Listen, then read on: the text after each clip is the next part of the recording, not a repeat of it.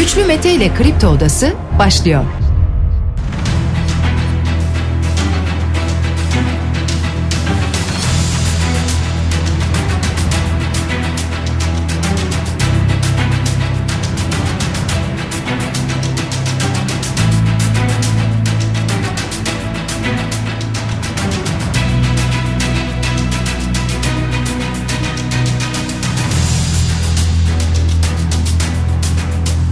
20 Ocak Cuma sabahından Kafa Radyo'dan Kripto Odası'ndan tüm Türkiye'ye yurt dışında bizi dinleyen dinleyicilerimize günaydın. Hepinize sağlıklı ve güzel bir gün dileyerek her sabah olduğu gibi programımıza başlıyoruz. Bugün de Kripto Odası'nda saat 10'a dek sizlerle birlikte olacağız.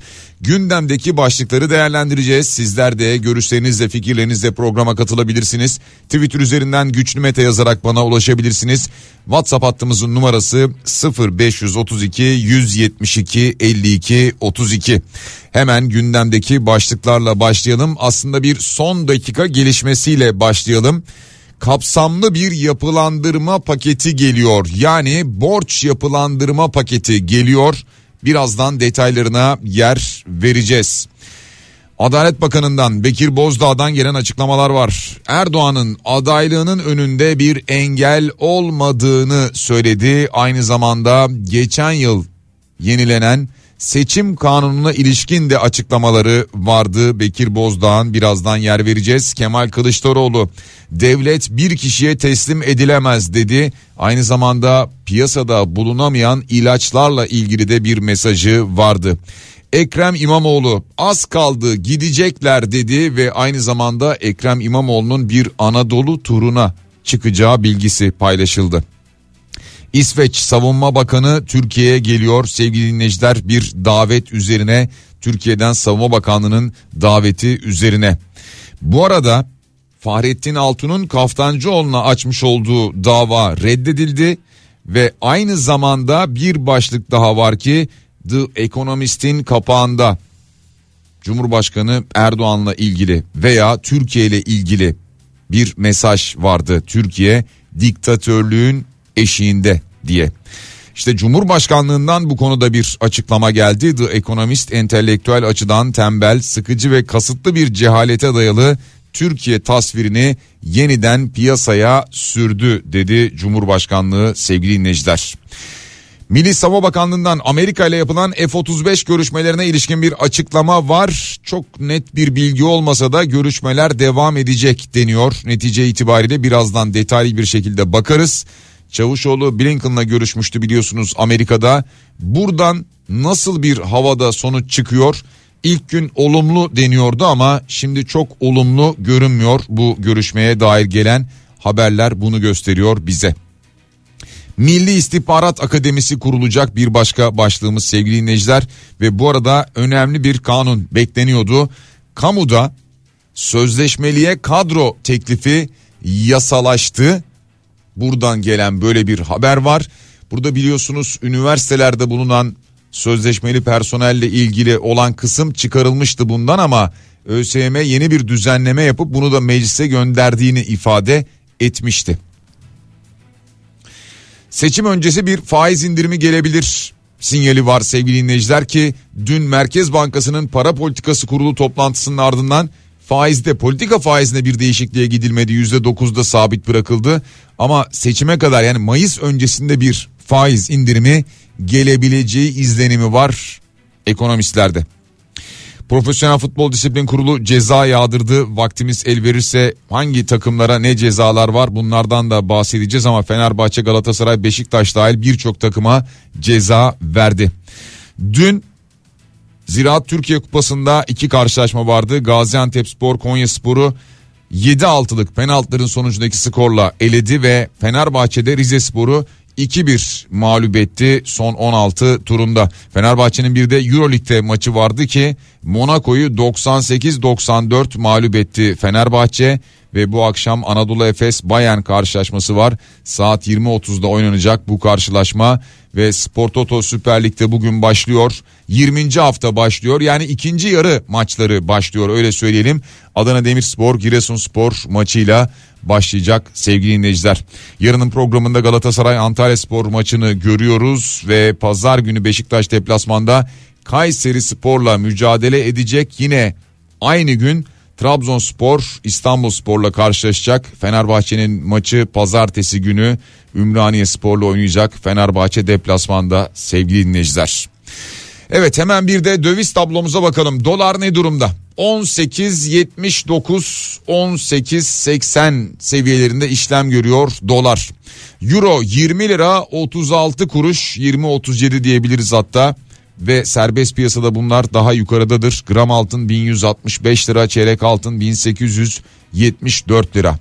Borsa İstanbul dünü de yüzde 0.71'lik bir artıda kapattı. 5422 puanla başlayacak güne bugün BIST endeksi.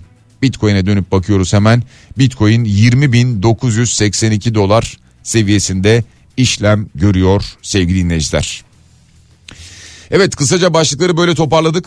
Biraz detaylandıracağız. Sadece bu kadar değil birçok başlık var.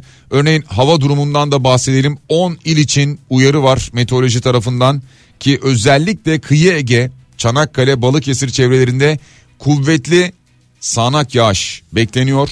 Aynı zamanda Marmara, Kıyı Ege, Orta ve Doğu Karadeniz'in iç kesimlerinde lodos etkisini sürdürecek.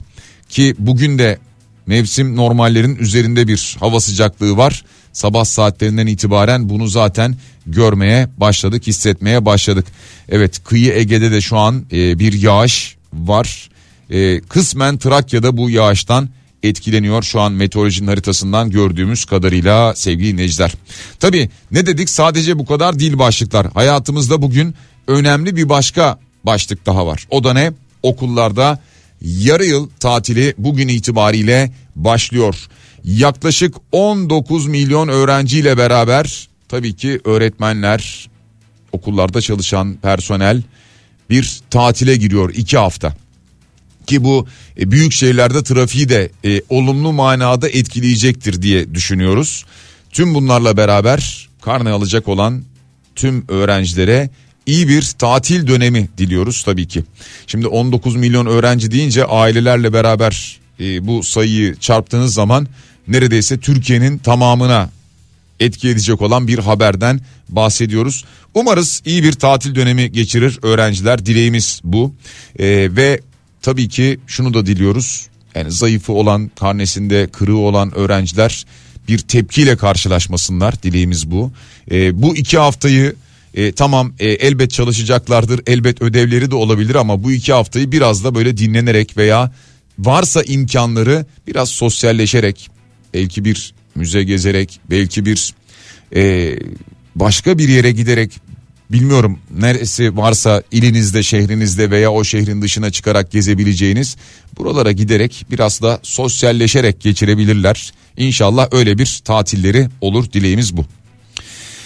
Devam ediyoruz sevgili dinleyiciler. Şimdi borç yapılandırma paketi geliyor dedik ya. Aslında en önemli başlıklardan bir tanesi oldu. Bu sabah şimdi NTV verdi bu haberi. Ee, yeni pakette şirketlere matrah artırımı imkanı da sağlanacakmış. Hatta NTV bu haberi Cumhuriyet tarihinin en kapsamlı borç yapılandırması geliyor diye verdi.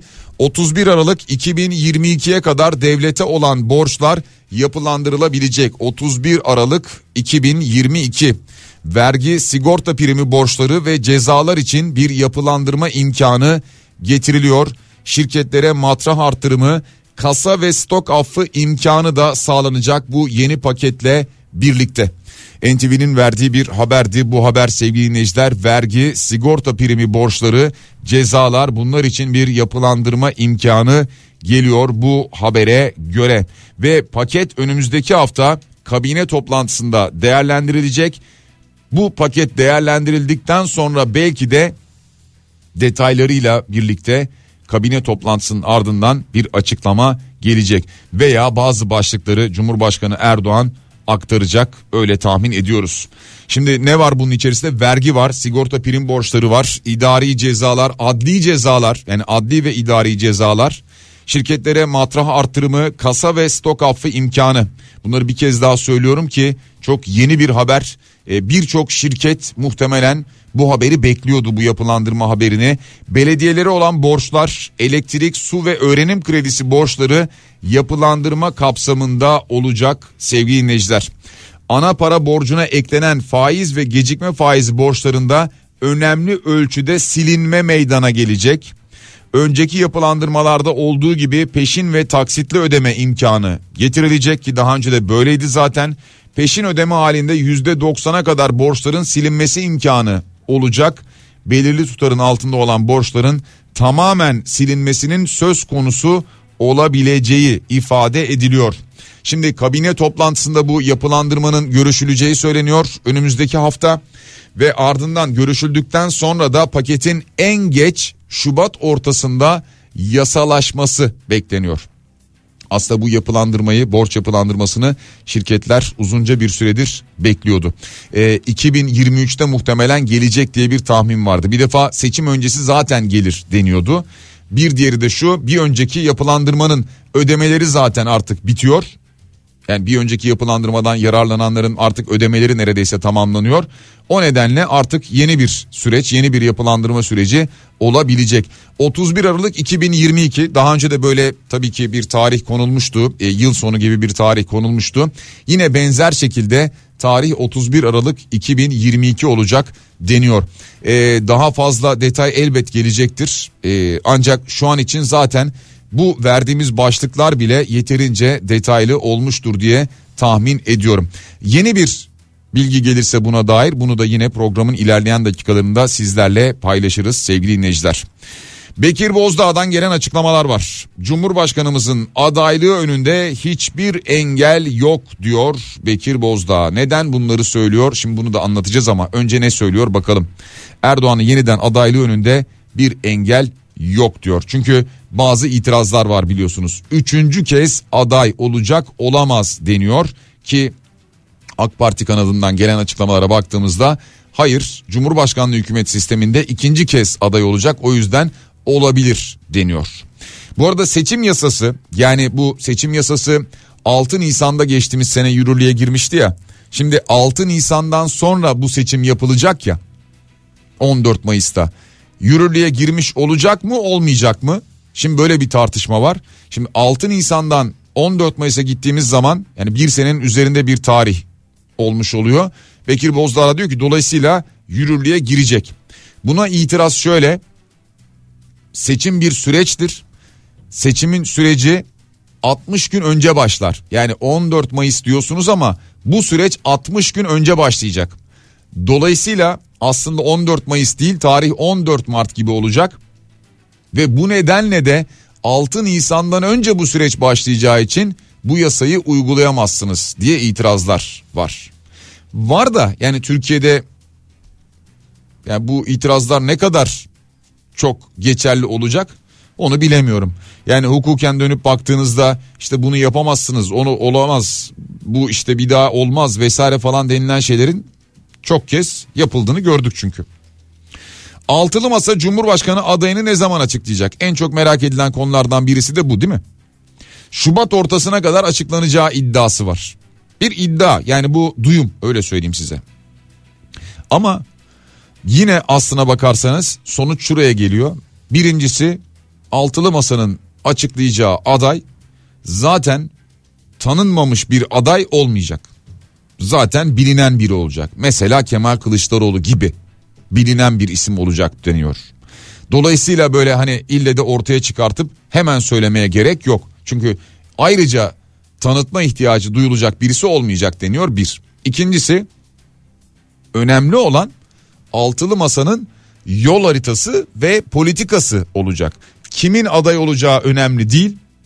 Aday X olabilir, Y olabilir, Z olabilir, A olabilir, B olabilir, C olabilir. Önemli olan aday altılı masanın ortak politikasını uygulayacak. Yol haritasını uygulayacak. Bu olacağı için yine aslında adayın ismi önemli değil diyor ağırlıklı olarak altılı masa. Peki 14 Mayıs seçim olacak diye düşünüyoruz ama yani şimdilik öyle bir iddia ortaya atıldı. Çünkü kesinleşmedi daha, resmileşmedi daha. İşte Cumhurbaşkanı Erdoğan'ın adaylığı anayasaya uygun mu tartışması bir yandan devam ediyor.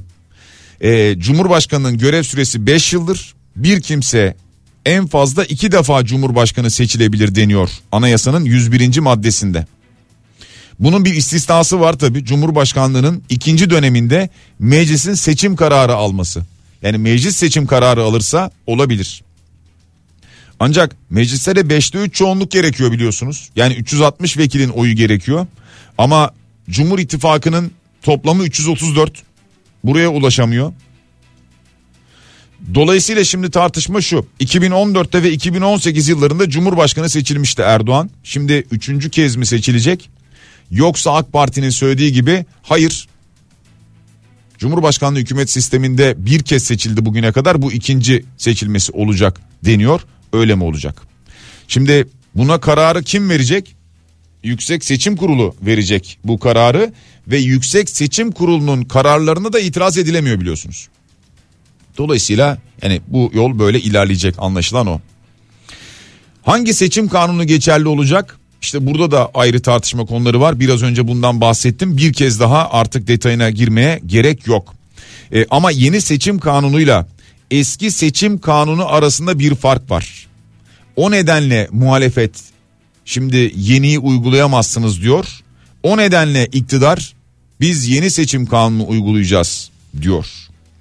Çünkü arada bu iki seçim kanunu arasındaki fark meclisteki vekil dağılımına çok net ve doğrudan bir şekilde etki edecek.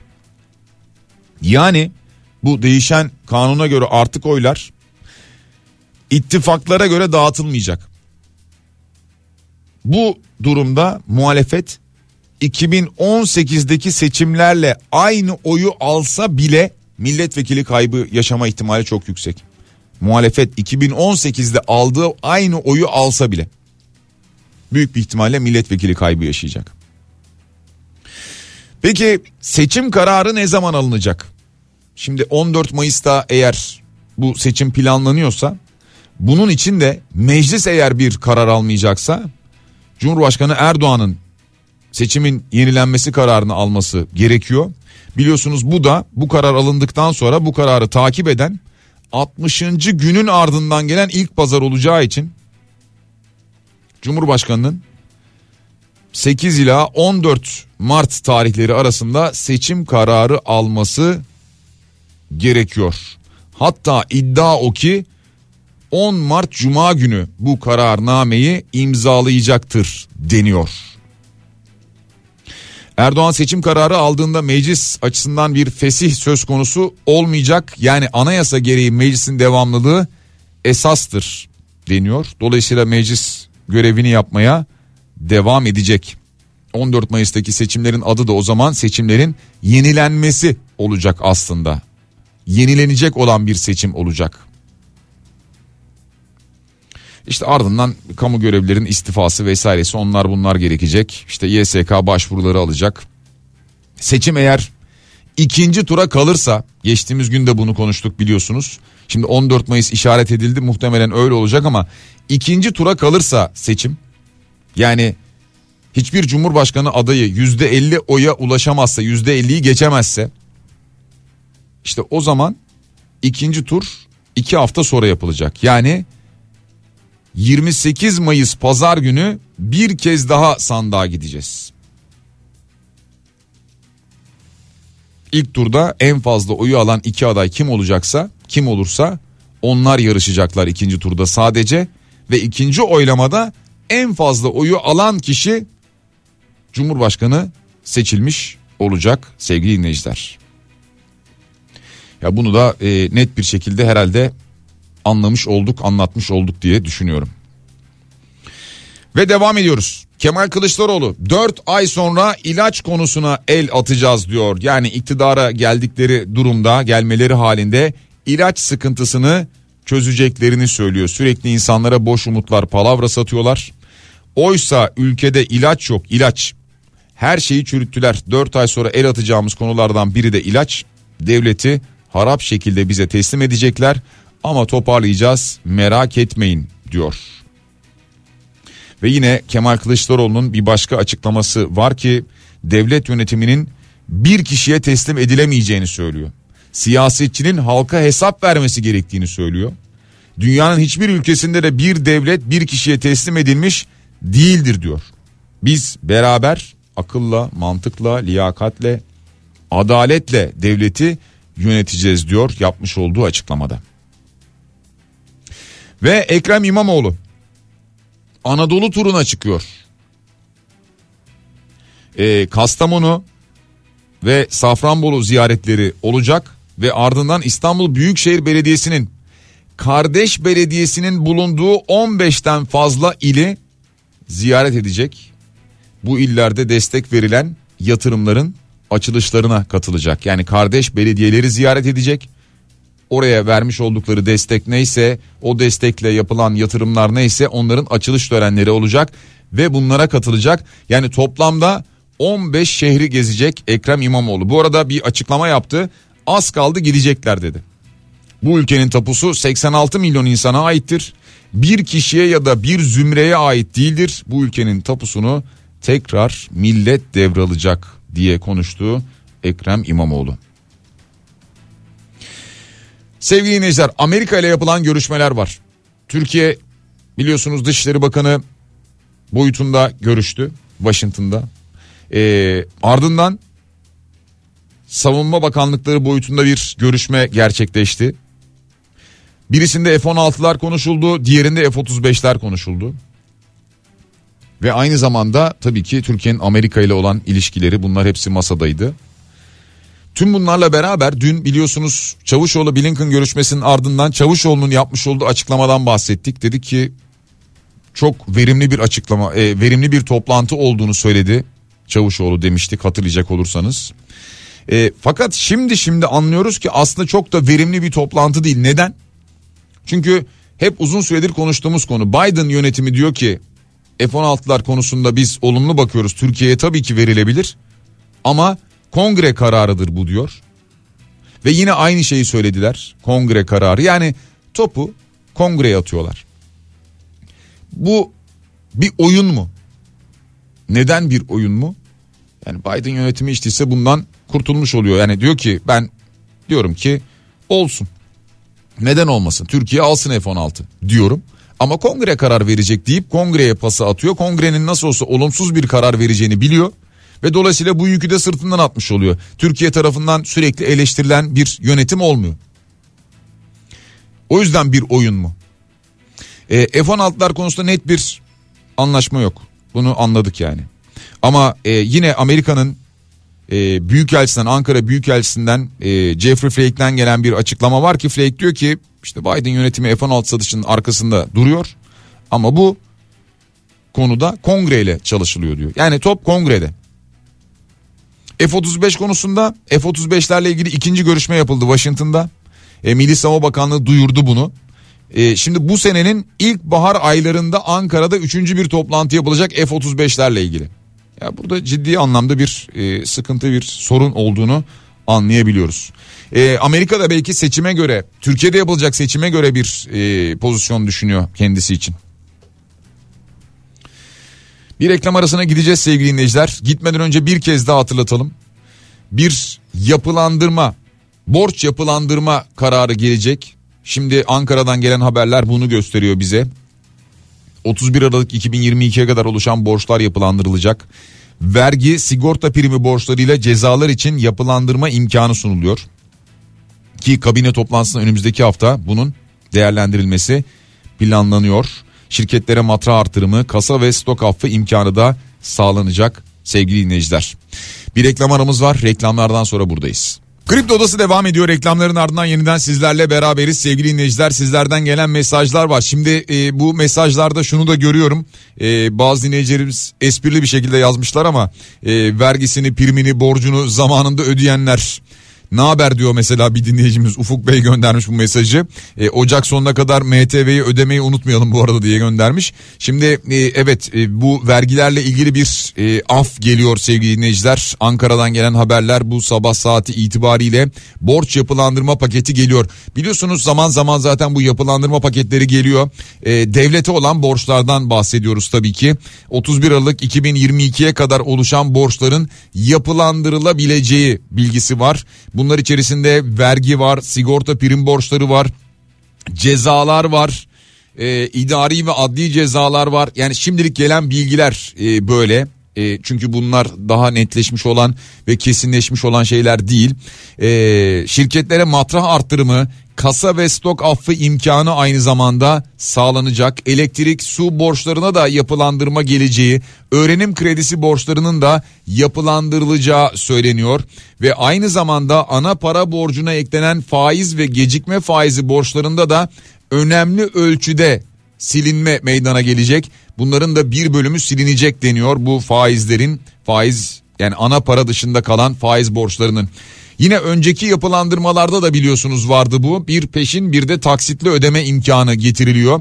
Ki işte o çok kişi taksitten de yararlanmayı tercih ediyor ki o takside girmiş olanların bir önceki yapılandırmada taksitlendirmiş olanların e, taksitleri de artık son buluyordu zaten öyle bir döneme gelmiştik. Yani yeniden yapılandırma olacaksa yeniden bir taksit başlayacak. E, özellikle ağırlıklı olarak belki de işletmeler için veya tabi vatandaş da e, yani vatandaş içerisinde bekleyenler de veya diyelim vardı.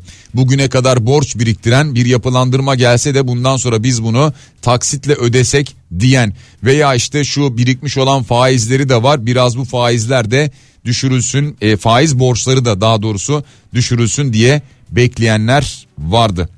Ee, bir iddia daha var. Belirli tutarın altında olan borçların tamamının silinmesi söz konusu olabilir deniyor ki daha önce biliyorsunuz böyle bir yanlış hatırlamıyorsam 2000 lira altı civarı bir açıklama yapılmış. Daha önce böyle bir uygulama olmuştu.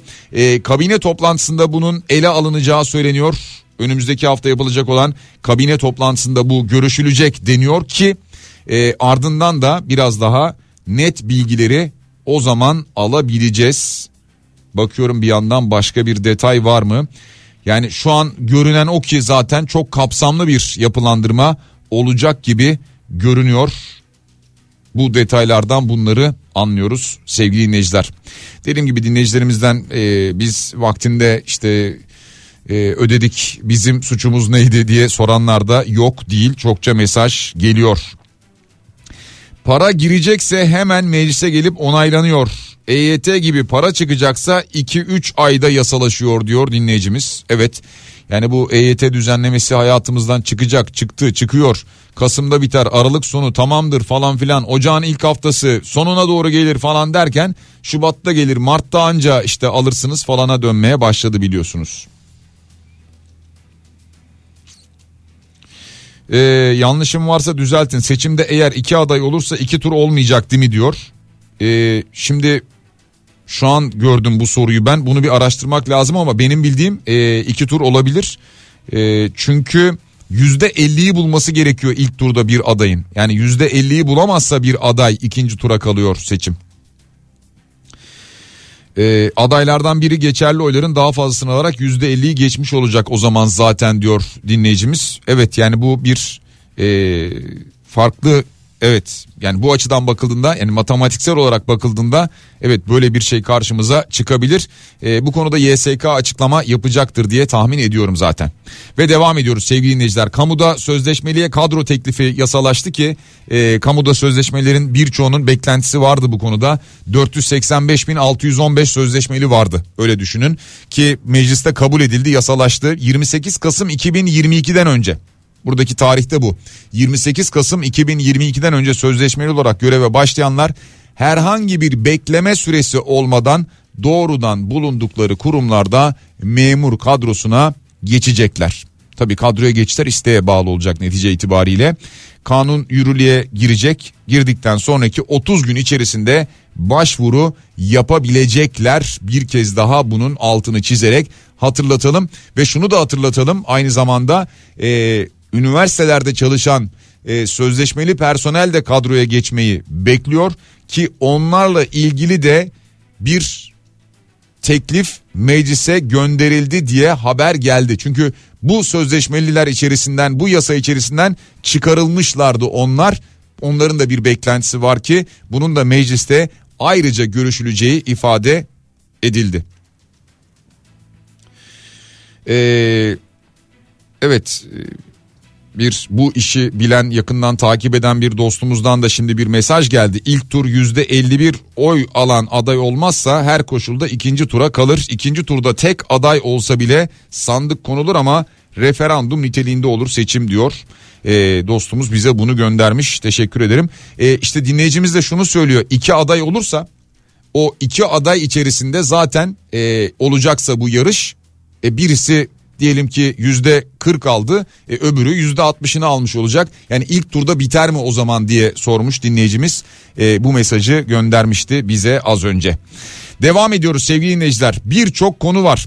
Şimdi Türkiye'nin e, İsveç'le olan ilişkileri yolunda gitmiyor farkındayız herhalde. Yani İsveç'te en son işte bu yaşanan maket olayı e, ardından İsveç yargısından herhangi bir ceza çıkmayacak mesajı. Ee, daha önce de konuştuğumuz gibi yani İsveç bunu kendi içinde protesto eder gibi yaptı ama işte bu iğrençtir, kötüdür, skandaldır falan dedi ama diyor ki evet kötüdür ama e, yasalarımıza göre de aykırı bir şey yoktur durumuna geldi biliyorsunuz.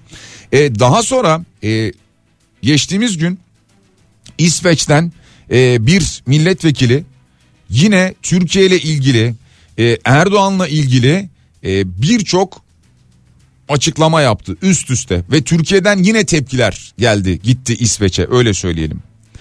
Ee, şimdi tüm bunlarla beraber yani İsveç'te ilişki iyi mi değil. The Economist dergisine bakıyoruz. Economist dergisi kapağına Türkiye'yi, Türk bayrağını, Cumhurbaşkanı Erdoğan'ın silüetini koyuyor, paylaşıyor ve diyor ki işte Türkiye diktatörlüğün eşiğinde. Türkiye'de diktatörlük yükleniyor gibi bir başlık atıyor. İngilizce işte e, Turkey's looming dictatorship diye yazıyor. Şimdi buna da Türkiye'den tepki var. Yani şunu demek istiyorum aslında. Yani tamam Türkiye'den tepki olacak gayet normal. E, dış ilişkilerimiz pek yolunda gitmiyor. Dış ilişkilerimiz iyi gitmiyor. E, Suriye ile ilişkileri toparlamaya çalışıyoruz şu an bir yandan. E, tam ne kadar nasıl toparlanır bilmiyorum ama Suriye'den Şam'dan gelen duyumlar oluyordu biliyorsunuz. Onlar da diyorlardı ki Türkiye Suriye topraklarından çekilsin çıksın. Daha geçen gün Irak Cumhurbaşkanı dedi ki e, Türkiye bizim topraklarımızdan çıkmadığı sürece bizim Türkiye ile ilişkilerimiz normalleşemez dedi. Yani şu anda e, anladığım kadarıyla bir Rusya ile aramız iyi gibi görünüyor e, son dönemde. E, Amerika evet sırtımızı sıvazlıyor falan ama hakikaten öyle oluyor yani tamam bir şey yok merak etme diyor ama sonra diyor ki bir dakika yani ben yönetim olarak bir şey yok diyorum ama kongre seninle ilgilenir diyor. O oraya atıyor topu. Ee, yani şu anda dış ilişkilerin iyi gittiği bir dönemde değiliz. İçeriye dönüp baktığımızda içeride artık tamamen seçim havasındayız. Seçim atmosferi değil mi? E, programın başında konuştuk seçim sürecinin nasıl işleyeceğini, nasıl ilerleyeceğini. E, şu anda e, yani en çok merak edilen iki konu var. Bir tanesi Erdoğan yeniden aday olabilir mi? Bir diğeri altılı masanın adayı kim olacak? E, en çok konuşulan konular bunlar. E, bir yandan mitingler düzenlenmeye başlanıyor tabii ki. E, Cumhurbaşkanı Erdoğan mesela Bursa mitingine gidecek. Bursa'da vereceği miting öncesi Bursa Valiliği bir genelge yayınladı e, il sınırları içinde görev yapan memurlarla ilgili bir katılım zorunluluğu getirildi. 21 Ocak Cumartesi günü yapacağı toplu açılış törenine Cumhurbaşkanı'nın kamu çalışanlarının katılması istendi. Yani işte valinin imzası, vali yardımcısının ya da imzası var altında Mustafa Özsoy'un. Cumhurbaşkanımız Sayın Recep Tayyip Erdoğan'ın 21 Ocak 2023 Cumartesi günü 13'te Gökdere Meydanı'nda gerçekleştireceği ilimizde tamamlanan yatırımların toplu açılış törenine gerekli katılımın sağlanması hususunda bilgi ve gereğini önemli rica ederim diyor. 17 ilçe kaymakamlığına tüm kamu kurum ve kuruluşlarına yazıyor altında. Yani kamu kurum ve kuruluşlarına deniyor ki geleceksiniz. Getireceksiniz buraya çalışanlarınızı, memurlarınızı. Burada olacaksınız. Kalabalığı oluşturacaksınız deniyor. Yani e, işte eskiden e, biriyle konuştum geçtiğimiz günlerde de e, bir dostumla konuştum. Eskiden işte mesela Ecevit işte Demirel vesaire o dönemlere yani bayağı eskiye gidecek olursak böyle bir siyasi parti lideri bir yere gittiğinde işte bir şehre falan gittiğinde o şehirdeki insanlar merak ederek kendiliklerinden giderlerdi. E, şimdi artık o işler değişti. İnsanlar bir menfaatleri varsa gidiyorlar ya da zorunlu tutulurlarsa gidiyorlar. Ya bir menfaati olacak yani nedir? İşte e, bir cebine para konacak, bir zarf verilecek, e, bir iş vaadinde bulunulacak gibi gibi bir takım şeyler. İşte yemek verilecek, o olacak, bu olacak. Ya bunun için gidiyor insanlar ya da işte zorunlu tutuldukları için. Mecbur gideceksin. Ha gitmezsen ha orada bir parmak sallanıyor. Bundan sonra görürsün gibi. Ee, ya artık böyle taşınıyor insanlar. Otobüslerle şehirden şehre taşınıyor. Son yıllarda bunları o kadar çok gördük ki değil mi? Ya biraz zorunluluk haline gelmeye başladı. E, çok da gitmek istemiyor insanlar meydanlara çıkıp da e, böyle kendi içlerinden gelerek orada bulunmak istemiyorlar. Veya sayıları azaldı o insanların. Eee... Abi seçimde düşman aramak lazım. Dış ilişkileri bilerek böyle geriyorlar. Hatta bize böyle böyle deyin demişlerdir diyor. Yok artık o kadar da değildir herhalde ama ee, Hollanda ile ne oldu? Onlarda da seçim vardı. Bizde de vardı. Bitti seçim. Kavga da bitti. Balık hafızalıyız diyor. Evet Hollanda ile de ne gerilmiştik değil mi mesela? Hollanda ile. Hatırlayın. Yani hem orada seçim vardı dinleyicimizin söylediği gibi hem burada seçim vardı. Ee, inanılmaz bir gerginlik yaşanıyordu. E tabi yani bir e, zaman zaman seçim öncesinde e, bu yani tırnak içinde söylüyorum safları sıklaştırma, e, biraz e, kutuplaştırma, biraz gerginliği arttırma bir politika olabilir. Yani ya oradansın ya buradansın gel bak aman ha benim yanımda dur mesajı verilebilir. Devam ediyoruz. E, bir iki başlığımız daha var. Hızlıca bunlardan da bahsedelim. Halkbank'tan e, Amerika'daki davada e, savunmalar yapıldı biliyorsunuz. E, İddia o ki KHK'lı bir akademisyenle savunma yapıldı. İddia bu. 2016'da KHK ile üniversiteden ihraç edilen bir e, sosyalist akademisyenin makalesi kullanılmış burada. Ama daha önemli bir şey söyleyeyim ben size. Şimdi bu Halkbank davası ile ilgili henüz bir temizden bir karar çıkmadı ama o karar çıkacak. O karar ne zaman çıkar o belli değil. Yani o bu ay sonunda da çıkabilir. Yazılı bir karar çıkacak. Ee, Amerika'dan gelen haberlere göre e, yıl sonuna bile bırakılabilir. Ama yani oradan çıkacak olan kararın kesin olumlu bir sonuç içerebileceği yönünde bir görüş yok. Yani e, deniyor ki yüzde elli elli. Yani buradan olumsuz bir sonuç da çıkabilir Halkbank adına, Türkiye adına. E, yani çok net bir şey söylemek zor diyorlar. Devam ediyoruz. E, dün Hrant Dink katledilişinin 16. yılında aynı yerde anıldı. Şişli ilçesinde Agos gazetesinin eski binası önünde bir tören düzenlendi. E, tabii ki gazeteci dostları, meslektaşları vardı, siyasiler gittiler, sanatçılar vardı, e, sivil toplum kuruluşları vardı. E, Birçok vatandaş aynı zamanda Hrant, Hrant Dink'i andılar. Seninleyiz Ahberik yazıldı biliyorsunuz. Aynı zamanda böyle bir afiş de vardı. Biz de bir kez daha rahmetle anıyoruz. Meteorolojinin uyarısını son kez hatırlatıyorum. Birazdan veda edeceğiz çünkü sağanak ve lodos uyarısı var. Özellikle kıyı Ege, Çanakkale, Balıkesir çevrelerinde kuvvetli bir sağanak bekleniyor sevgili dinleyiciler. Ve akşam saatlerinde İstanbul ve çevresinde de yağmur bekleniyor. Ee, bir de Marmara, kıyı Ege, Orta ve Doğu Karadeniz'in iç kesimlerinde lodosun etkisini sürdüreceği de söyleniyor. Ki buna ilişkinde biliyorsunuz ağaç devrilmeleri, işte çatılardan çeşitli çatı uçmaları vesaire gibi e, bunlara dikkat etmekte fayda var.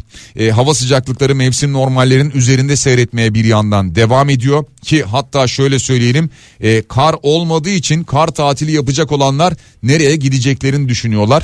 E, Palandöken'de daha fazla kar olduğu bilgisi var. E, diğer kayak merkezlerinde suni karlandırma yapılıyor ki e, kayakçıların çok tercihi olmadığı söyleniyor buna ilişkin. Bir dinleyicimiz diyor ki Güçlü Bey günaydın.